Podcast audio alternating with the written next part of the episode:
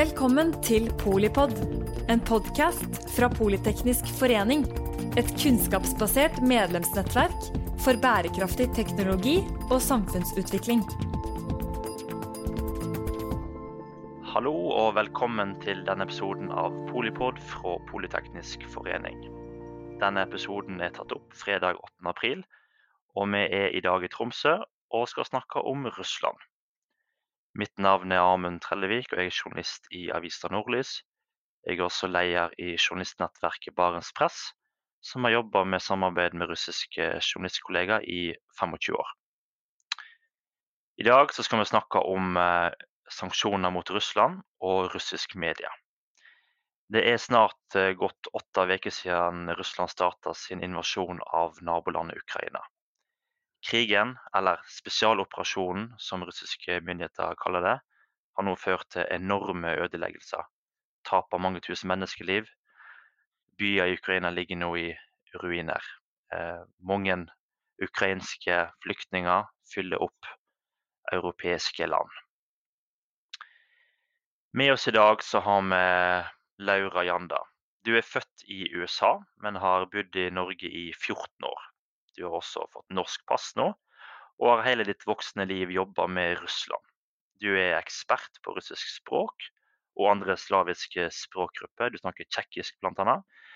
Men eh, du følger også russisk politikk og samfunnsutvikling tett ifra din eh, heim i Tromsø. Velkommen til denne podkasten.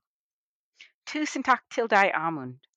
Du, altså, du, jobber jo på Universitetet i Tromsø som professor, og du jo, har jo et spesielt blikk på, eh, på Russland eh, og russisk politikk. Eh, du har sett eh, litt nærmere på disse sanksjonene som er ført på russisk økonomi etter invasjonen i Ukraina. Eh, kan ikke du først bare gi oss en sånn kjapp oppsummering av, eh, av hvordan disse sanksjonene er, er innretta? Ja, takk. Bare for å være tydelig, jeg selvfølgelig støtter sanksjoner mot Russland. Men uh, disse sanksjonene har historiske dimensjoner. Uh, Russland er utsatt for over 7000 sanksjoner. Og det er så mange sanksjoner at det er, um, uh, det er nesten det, er ikke forutsigbart. Og det er noe som har kon konsekvenser for alle russere. Så, so Hva mener du med det? Ja, så jeg mener at det er, mang, det er mangel på, på, mange forskjellige ting. Um, så f.eks. Uh, det har vært hamstring av sukker. Uh, det er uh, absolutt mangel på papir uh, nå i uh, Russland. Uh, vil si hvitt papir, fordi blekkemiddel er ikke å få tak i. Og det er også Um, når det gjelder alle slags maskiner eller kjøretøy eller fly, um, de mangler um, uh, reservedeler og, uh, for å reparere slike ting og for vedlikehold og også opplæring. Så dette, dette, går ut over alt fra uh, salg av yoghurt til å fly fra Habarovsk til Moskva. Mm, så det betyr at sanksjonene det handler ikke bare om at man at man fryser midlene til rike russere og, og, og tar i arrest deres eh, luksushytter i Italia og deres store yachter. Det handler også om vanlige folk sine vanlige liv. Ja, absolutt. Um, selv om det, det, høres kanskje litt rart ut. Uh, det er selv uh, russiske varer um, som, uh, som, går opp i prisen. Så f.eks. poteter. Det, det, er slik at, at um, at frø til potetene er også importert ofte. Så, så ja, alt mulig. ja, og Russland er jo et, eh, et stort jordbruksland eh, som produserer selvfølgelig mye poteter. Mm, eh, du sa at eh, Russland er per i dag utsatt for, altså har fått innført over 7000 ulike sanksjoner. Mm -hmm. og det er mer enn land som Iran og Venezuela og Cuba til sammen. Det er jo andre land som også har vestlige sanksjoner eh, eh, på seg. Er det noe som overrasker deg her i dette omfanget her? Um, Ja, så det, så det er ting som overrasker meg, fordi det, det er så mange ting som man kunne ikke ha tenkt på for, på forhånd. Så for eksempel, um, de går tapt nå for uh, vaksiner mot um, uh, sykdommer som, uh, som har ellers helt forsvunnet. Sykdommer som før i tiden drepte mange barn, f.eks. Uh, skikkhoste og stivkrampe og um, og um, ja, og, og, difteria som, som, kan blomstre igjen. Um, også f.eks. at det er veldig vanskelig for russere å få tak i informasjon. Fordi um, uh, alle um, uh, fordi tilgang til internett uh, den, den, den, er blitt veldig vanskelig. Den eneste sikre måten å komme inn i internett for å lese uh, nyheter og informasjon utenfra Russland, der ved å bruke VPN-tjenester. Det er virtuell privat nettverktjenester. Ja, og det er da en, en, en, sånn funksjon man har for å komme seg forbi ja. blokkering av ulike nettsider, som russiske myndigheter har har jobba veldig med å, eh, med ja. å, innføre blokkering de siste ukene, altså etter invasjonen. Kan du bare si litt eh, om russisk økonomi sånn generelt, og hvordan disse sanksjonene påvirker negativt? Altså, vi, altså, hva er det vi ser på kort sikt nå, og hva vil vi se på litt lengre sikt? Ja, så selv om Russland når det gjelder territorium er veldig stort, det, er det største landet på hele planeten. Um, når det gjelder økonomi, de er ikke så store. Der, uh, Russland er bare på ellevteplassen uh, når det gjelder størrelse av økonomi. Og um, og, og, og, også denne økonomien er ikke så divers. Når det gjelder eksportering, er det um, mest av alt, og nesten bare um, energi som eksporteres. Og, så de er ikke så kompetitive uh, på, um, på, markedet mm, når, når, vi ser på det på en bred spektrum av hva man kunne, uh, kunne eksportere. Så ja. Så, og dette med at uh, sanksjonene nå går ut, er mer fokusert på um, russisk gass og olje. Dette er veldig strategisk. Uh, fordi nå, nå, går vi rett på dette som er kanskje viktigste når det gjelder å tjene penger fra Vesten for Russland. Ja, og da, da nevnte du jo uh, de nye sanksjonene som er varsla fra EU. Uh, den, uh, de siste dagene så har det vært en, en, rekke møter i, i, EU der man har diskutert ytterligere sanksjoner mot russisk økonomi på bakgrunn i det som er avdekket av grufullheter i den ukrainske byen Butsja utenfor Kiev, der, der, flere hundre sivile skal være drept av russiske soldater. Eh, du nevnte at Russland er en liten økonomi i en verdenssammenheng, på 11.-plass. Men Russland er jo en eh, stor energileverandør, altså både på, mm -hmm. både på, kull, olje og gass.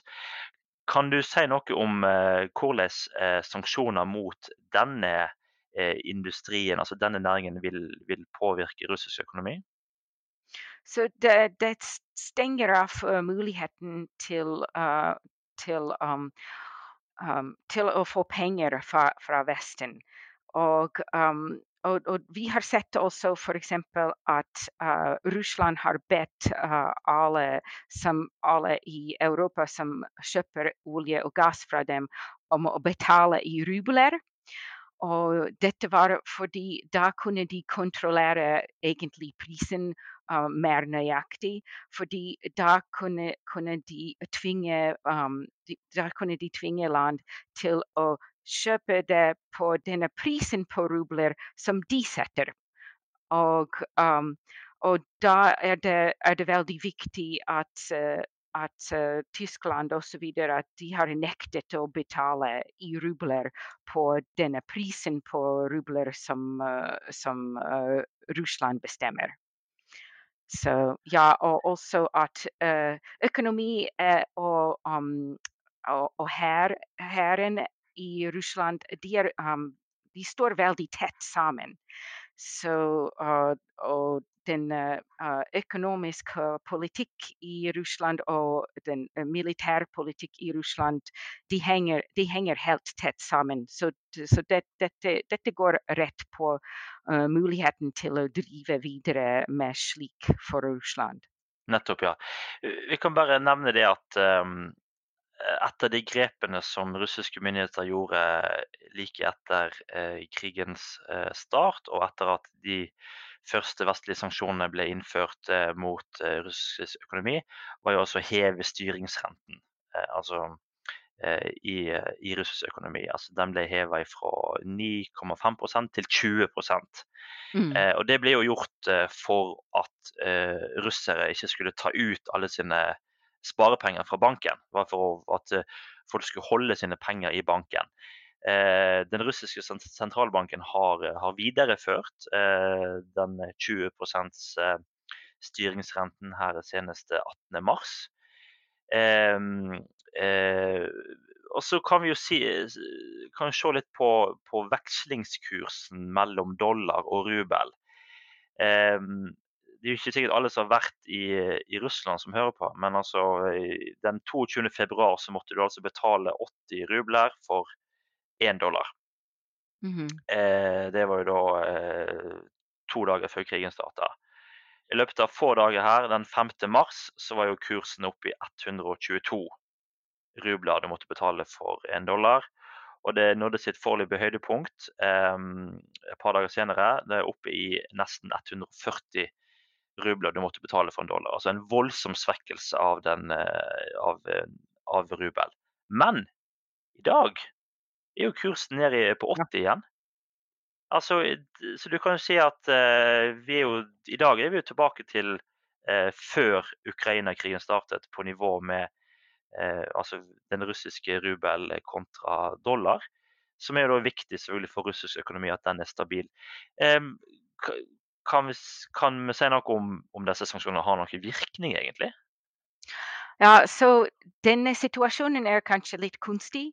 Um, og delvis også fordi nå er det plutselig igjen um, uh, ulovlig å kjøpe, uh, å kjøpe valuta, det vil, si uh, vestlige, um, vestlige, penger i Russland for rubler. Og også at mange folk har mistet tilgang til, til sine egne, til sine egne, egne midler, sine egne penger. Så uh, jeg, jeg, tror ikke at denne situasjonen skal vare. Men selvfølgelig, jeg, er ikke, jeg har ikke utdanning i økonomi, jeg er språkforsker. Men, uh, men slik jeg forstår det, det, det, er De prøver å kontrollere situasjonen, og uh, det kanskje har noen effekt nå. Men, um, men, men ja, det, det, er litt vanskelig å si hvor, hvor lenge dette skal vare. Ja, disse nye EU-sanksjonene som da er diskutert i, i Brussel eh, nylig, og som da skal etter planen eh, vedtas altså det, I EU-systemet så må jo da dette her går gjennom alle unions 27 eh, medlemsland eh, før det på en måte blir endelig fattet avgjørelse. Men i der så ligger det jo eh, et importforbud mot kull fra Russland. Mm. Russland er jo en stor kullprodusent. Eh, det, vil, eh, det snakkes om at eh, russiske skip ikke skal få legge til i, i EU-havner, også i Norge, da, som vil ha stor betydning for, for fiskeriindustrien, spesielt i, i nord. Det blir et eksportforbud mot en del sånn maskin- og, og, teknologiselskaper. Som selvfølgelig da vil kanskje ha betydning for, for russisk jordbruk, som, som trenger en maskinpark. Eh, det er nye sanksjoner mot russiske banker, som vil jo selvfølgelig gjøre det mer vanskelig å, og med pengeoverføring mellom Russland og Vesten. Eh, og en utvidelse av denne eh, sanksjonslisten altså med, med, navn. Altså personer som enten får et innreiseforbud eh, i, i, Schengen og Vesten, og får også inndratt sine, sine midler. Eh, Eh, de har i eventuelle vestlige banker. Eh, altså, dette er den femte pakken med sanksjoner i, i, fra EU. Altså, hvor, hvor, langt, altså, hvor mange sanksjoner kan innføres før det ikke er mer å sanksjonere, tenker du, Laura? ja, nei, det, det, det er vanskelig, vanskelig å si, fordi I mean, vi, vi kanskje kommer opp opp mot grensen av uh, hva vi kan I mean, Fordi I mean, eh, det er russere som sier at uh, vi går inn i en uh, situasjon hvor Russland er liksom Nord-Korea. Um, hvor det, det, er virkelig stengt av fra hele resten av verden. Ja, ja, altså Det er jo interessant det at man da skal sanksjonere f.eks. Eh, maskinprodukter. Som dette, sant? Det er jo, kan jo være traktor eller andre typer maskiner du trenger for å drive jordbruk. Og eh, Samtidig som det er krig i Ukraina, eh, et veldig viktig land for, for matproduksjon, eh, så er jo òg Russland viktig for, eh, for verdens eh, matproduksjon. Altså Det produseres mye Eh, poteter der, som allerede nevnt, men også, også korn, eh, kveite bl.a. Eh, det kan ikke slå tilbake altså globalt med at man måtte ta ned Russlands evne til å produsere mat, som kan påvirke altså hele verden. altså Økte kornpriser. og Det går jo ikke utover oss i, i Norge og Europa, det går utover fattige land i Latin-Amerika og, og, i Afrika, kanskje. Ja, absolutt. Det er, det er noen land som er avhengig av å kunne importere korn fra, fra Russland som skal, som skal, lide veldig mye. Uh, ja, absolutt. Det, det, har jeg, det, har jeg, også hørt. Ja. Du, du, har jo skrevet en, en, veldig interessant kronikk på, på Nordnorsk debatt om akkurat det her. og Der nevner du jo opp disse landene som har hatt eh, sanksjoner eh, mot seg eh, ja, til nærmest til evig tid. Eh, Iran, eh, Cuba, Venezuela. Eh, slike land. Er, er, det grunn til å tro, tenker du, eh, og det her blir jo kanskje kvalifisert synsing eh, fra din side, men er det grunn til å tro at disse, disse sanksjonene mot russisk økonomi blir, blir, løftet med det første? Så Problemet med sanksjoner er at de har en tendens til å vare. At, at um, det, ja, det, det, er, det, er, vanskelig å forutsi at, at de skulle løftes uh, nå. Ja, nei. Så uh, jeg, jeg, tror at de, bli, de, blir varende. Fordi dette, dette, er det som vi ser historisk sett fra andre land. Når, når det kommer sanksjoner, så, så, er de der. Ja, og hva kan det føre til, da? Innenrikspolitisk i Russland? Well, so det som er viktig, er at russere skulle forstå hva I mean, hvorfor, hvorfor det er dyrere å kjøpe, mean, å, å kjøpe mat. Hvorfor, hvorfor, de har ikke tilgang. Hvorfor de kan ikke reise. Uh, hvor, hvorfor de har ikke um, tilgang til, um, til, måter å betale på, for ting i, utenfor Russland. Uh, fordi uh, sånn som det, situasjonen er nå, det, det, er helt uklart for dem og det, det, er kanskje vanskelig å spore opp i det hele tatt. Uh, fordi det kan, være, det kan være også at det er uh, sanksjoner fra Vesten. Det er også um, liksom antisanksjoner som, som Russland har, har, innført selv. Og, um, og, og, det er også bare problemer med logistikk og slik. Uh, russere, er, russere, er, historisk uh, uh, de er vant til um, og at det er mangel på ting. I sovjettiden det var det var mangel på mange ting over, over lengre tid. Og de er vant til å være veldig tålmodige uh, i slike situasjoner. Um, og nå, nå, når det er vanskelig for dem å, å si nøyaktig hvem, hvem, sin skyld det er, og tilskrive ansvar for, uh, for det som skjer, så, så um, er det slik at de, for, de forstår ikke, ikke, nøyaktig, i alle fall de fleste forstår ikke nøyaktig hvorfor, uh, hvorfor de har havnet i denne situasjonen. Og da er det veldig viktig med informasjon, fordi ellers, uh, ellers skal ellers blir det mulig for Putin bare å si oh, hei, det, dette er Vesten sin skyld, og, og det, dette er ikke min skyld, og dere skulle bare være tålmodige, og vi skal, vi skal vinne i, i slutten. Ja, altså det, Da er du inne på det, det sentrale her. Sant? Kontroll over informasjon og, og media. Det er jo et uh, russisk ordtak uh, som går som følger. Når, når, kjøleskapet er tomt, så er det ikke lenger så interessant å se på TV. Uh, og Der ligger det jo en betydning av at man, man, går kanskje Eh, når det ikke lenger er mat i kjøleskapet, eller maten er blitt så dyr at du ikke har råd til den, så kanskje, mister man kanskje interessen av å, av å se Putin på, på TV-skjermen. Og kanskje da man går ut i gatene og, og krever endring, da. Eh, vi har jo sett dette her eh, systematisk, eh, egentlig helt fra de første rakettene landet på ukrainsk jord natt til 24.2 i år, at russiske myndigheter slår ned på russisk uavhengige medier. Det var jo ille før krigen, kan man si. Men det var i alle fall en, en håndfull uavhengige og kritiske mediekanaler igjen som rapporterte til dels fritt om hva som foregikk i det russiske samfunnet. Så kom krigen, og det, først ble det jo forbudt å bruke andre kilder enn Eh, det russiske forsvarsdepartementet for å rapportere om krigen i Ukraina, eller spesialoperasjonen, som man påla avisene og mediehusene å omtale det som. Eh, deretter ble det jo innført eh, veldig veldig strenge sensurlover som i prinsippet kunne gi journalister og andre opptil 15 års fengsel for såkalt falsk informasjon om det som foregikk i Ukraina. Um, Én etter én ble de markante mediehusene stengt ned. Eh, TV Dosh, en uavhengig TV-kanal som sendte på internett. Eh, eh, radiostasjonen Ekko Moskvi, Moskvas Ekko, ble stengt ned. Og nå til slutt så valgte jo da eh, Russlands eh, eneste gjenværende avis av betydning, eh, Nova Gazeta, å sjøl legge ned pennen sin i frykt mot at de kunne få en straffesak mot seg fra det russiske medietilsynet Roskomnadzor. Um, hvordan vurderer du eh, situasjonen her, eh, Laura, for, eh, for eh, medias frihet og informasjonsfrihet i, i Russland i dag?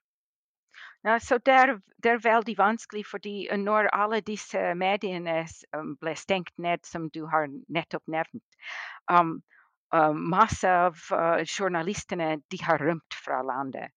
Og, og kanskje I mean, jeg, har hørt at de er i Armenia, i Georgia, i, i Litauen, alle, i Tyrkia Ja, altså de drar, altså, Det er jo viktig kanskje å minne på at eh, altså, eh, både Armenia, Georgia og Tyrkia har jo da visum. Der trenger ikke russere visum.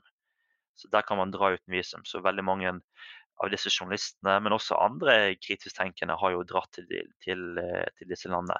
Også til Armenia trenger man heller ikke såkalt utenlandspass for å dra til. Der, der kan kun Altså, der kan man dra enkelt, også kun med det som heter da, russisk pass. altså Dvs. Si egentlig et identifikasjonskort eh, som man får ved fødsel. Eh, russere får ikke automatisk et pass som man kan dra utenlands med ved fødsel, som man får i Norge det må man søke om. Og Det er ikke alle russere som har dette passet. Så Derfor har jo da Armenia blitt en plass for de som må rømme på veldig kort tid, som ikke har muligheten til å, skaffe, eller til å vente på, et, på et ut, en utreisetillatelse. Ja, ja. Så, men hvordan står det til med dine russiske kollegaer som, eh, som du er i kontakt med? Vet du hvor de er? Og, og... Ja, altså um, det som er jo eh, sørgelig eh, oppi dette her, er jo at eh, eh, i tillegg til at russiske myndigheter har stengt ned eh, mange markante og viktige mediehus, så har de også blokkert eh, altså muligheten for disse mediehusene til å publisere på russisk i Russland. Du var inne på det innledningsvis, at man bruker disse VPN-nøklene for å komme seg forbi denne sensurmuren. Eh, det er jo en, eh, en, en, enkel manøver, men du må jo ha kunnskap om hvordan det, dette her fungerer. Og, eh, og, jeg liker å si at mine, mine, kompiser vet hvordan det fungerer, men ikke min mor og min far. Så det er et generasjonsskille her. I omgå denne sensurmuren som er bygd opp. Um, altså Vi i Barents Press har jobbet med russiske journalister i, i 25 år. altså Helt siden muren falt og det ble mulighet til å, å dra øst-vest. og Eh, det som vi ser, er at veldig mange eh, er dratt til, eh, til Tbilisi, hovedstaden i Georgia. Der er det blitt en slags sånn media hub. altså Der setter man opp provisoriske nyhetssenter for russere som har måttet flykte hals over hode fra Russland. Folk har dratt med sine familier.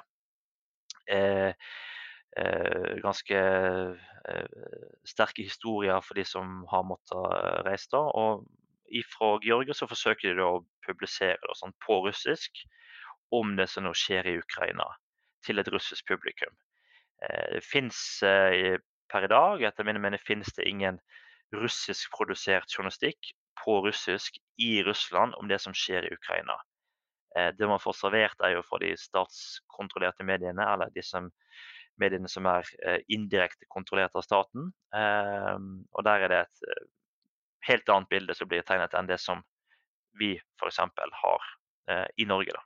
Ja, vel, men det er også slik at uh, disse journalistene har uh, mistet tilgang til pengestrømmen, uh, ikke sant? Så, I mean, hva, hvordan kan de fortsette jobben sin uten, uten, støtte? Og hva kan uh, Norge og eller Vesten gjøre for å hjelpe dem? Ja, altså det er jo satt i gang en eh, rekke sånne innsamlingsaksjoner eh, også i Norge og andre land i Europa for, for, å hjelpe både ukrainske og russiske journalister. Eh, altså må huske på at eh, Journalistikk i Russland eh, har vært vanskelig i mange år. altså Det har vært et vanskelig yrke. Det har også vært et ganske dårlig betalt yrke, eh, og i all hovedsak eh, et kvinneyrke. Og det henger kanskje sammen, eh, de to siste tingene der.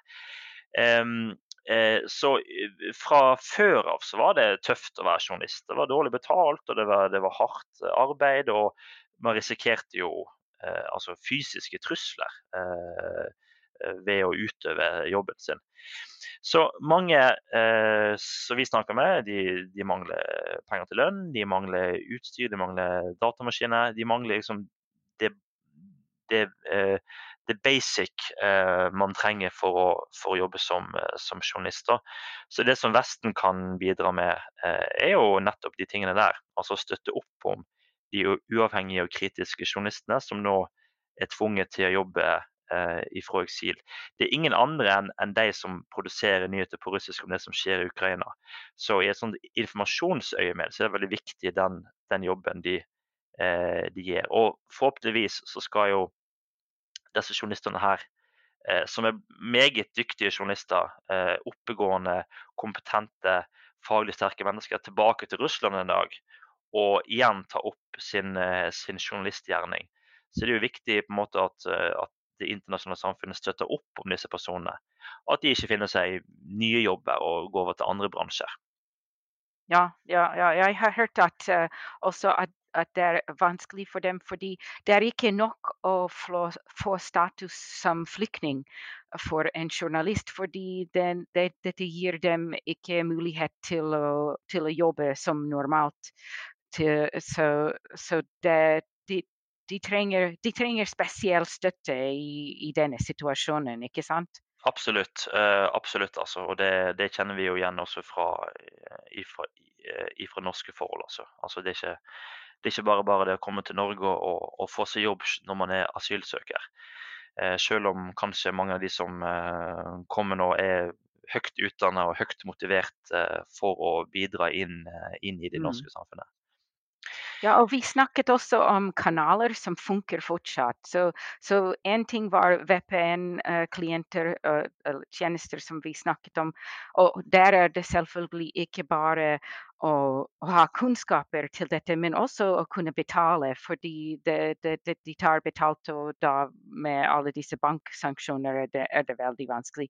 Um, jeg har hørt også at uh, andre kanaler som fortsatt funker, en av dem er YouTube, siden uh, uh, Russia Today RT brukere selv, selv YouTube. Og også Telegram Har du hørt noe om, om dette? Ja, altså, du kan si at Den viktigste informasjonskanalen eh, for eh, russere i dag er denne appen Telegram. Eh, det, altså, Telegram er jo en, eh, en, en, app du har på telefonen. Du kan også ha den på, på din laptop. Men det er en, eh, en app som gir deg muligheten til å kommunisere med, med dine venner gjennom meldinger. Men du også, kan også abonnere på mediekanaler. Så mediehus eller enkeltpersoner eller organisasjoner kan der eh, publisere informasjon, bilder, video, tekst i disse kanalene som du kan ab abonnere på. Og, eh, og, de, og, Den appen er ikke stengt i Russland per i dag. Um, appen er russisk utvikla av av en russisk IT-gründer som nå selvfølgelig har flykta fra Russland. Han gjorde det etter annekteringen av Krim i, i 2014. Um, litt av problemet med, med, Telegram er jo at det er jo ingen som kontrollerer innholdet der. Eh, så der havner jo alt usensurert. Bilder, video, tekst. Eh, ingen kontroll med innholdet som man har i ordinære mediehus. Altså, det er jo ikke alle bilder man publiserer. Man gjør vurderinger av eh, om det er nødvendig å vise så sterke bilder. Så for mange russere så er jo Telegram blitt en sånn direkte feed fra den ukrainske slagmarken. Med drepte soldater, drepte sivile, ødelagte byer. Grufulle vitnesbyrd om, om, det som foregår. Eh, så det er jo riktig å si det at eh, russere får informasjon om om det som skjer da, via, denne, eh, via sosiale medier. Da. Og så kan vi jo legge til her altså um, Vi har snakket uh, om forholdene for, uh, for, kritisk og uavhengig presse i Russland i dag. Altså Forholdene er jo um, hva skal man si, ikke-eksisterende.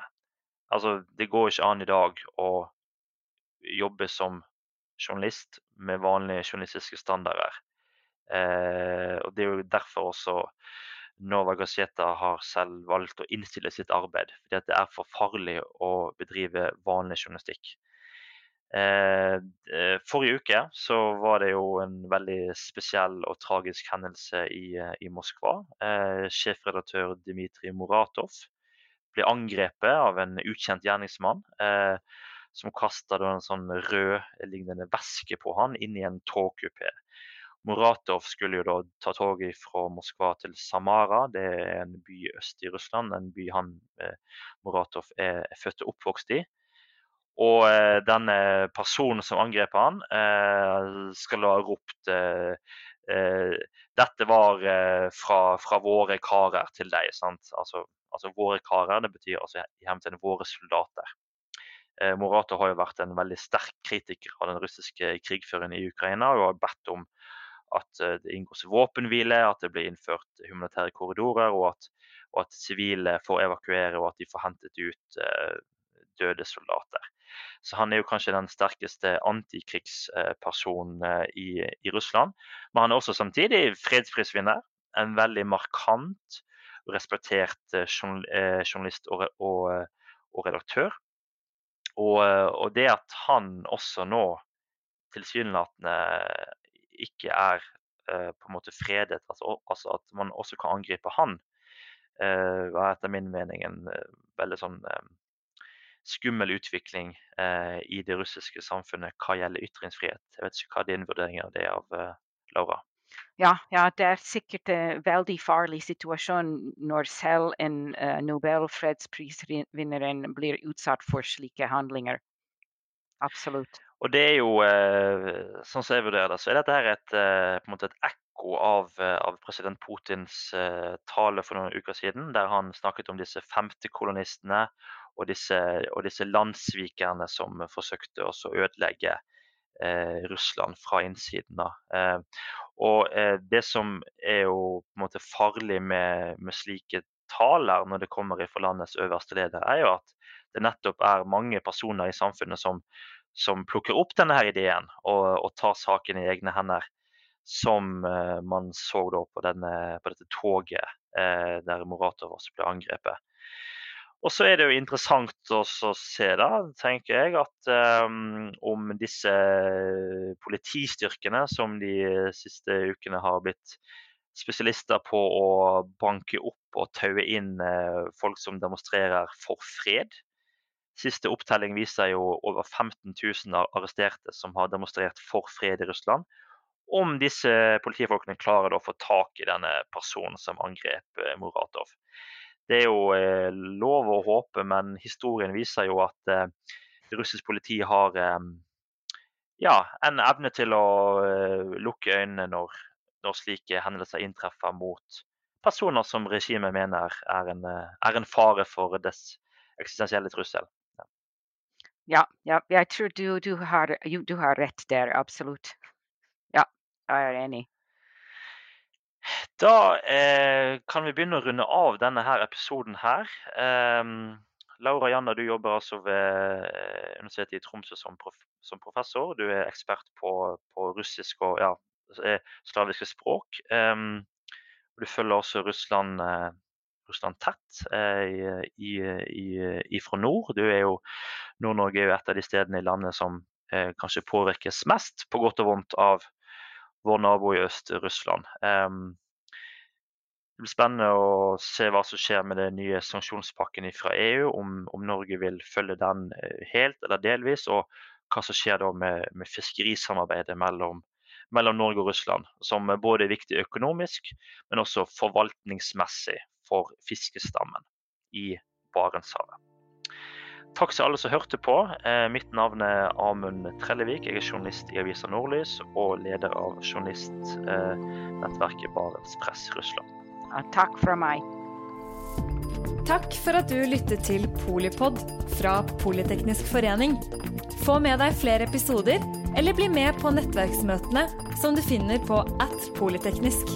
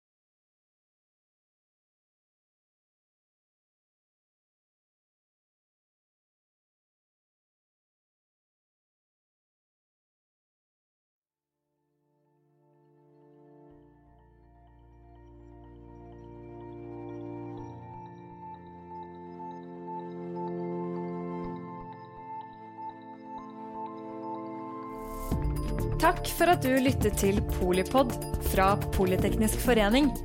Få med deg flere episoder, eller bli med på nettverksmøtene som du finner på at polyteknisk.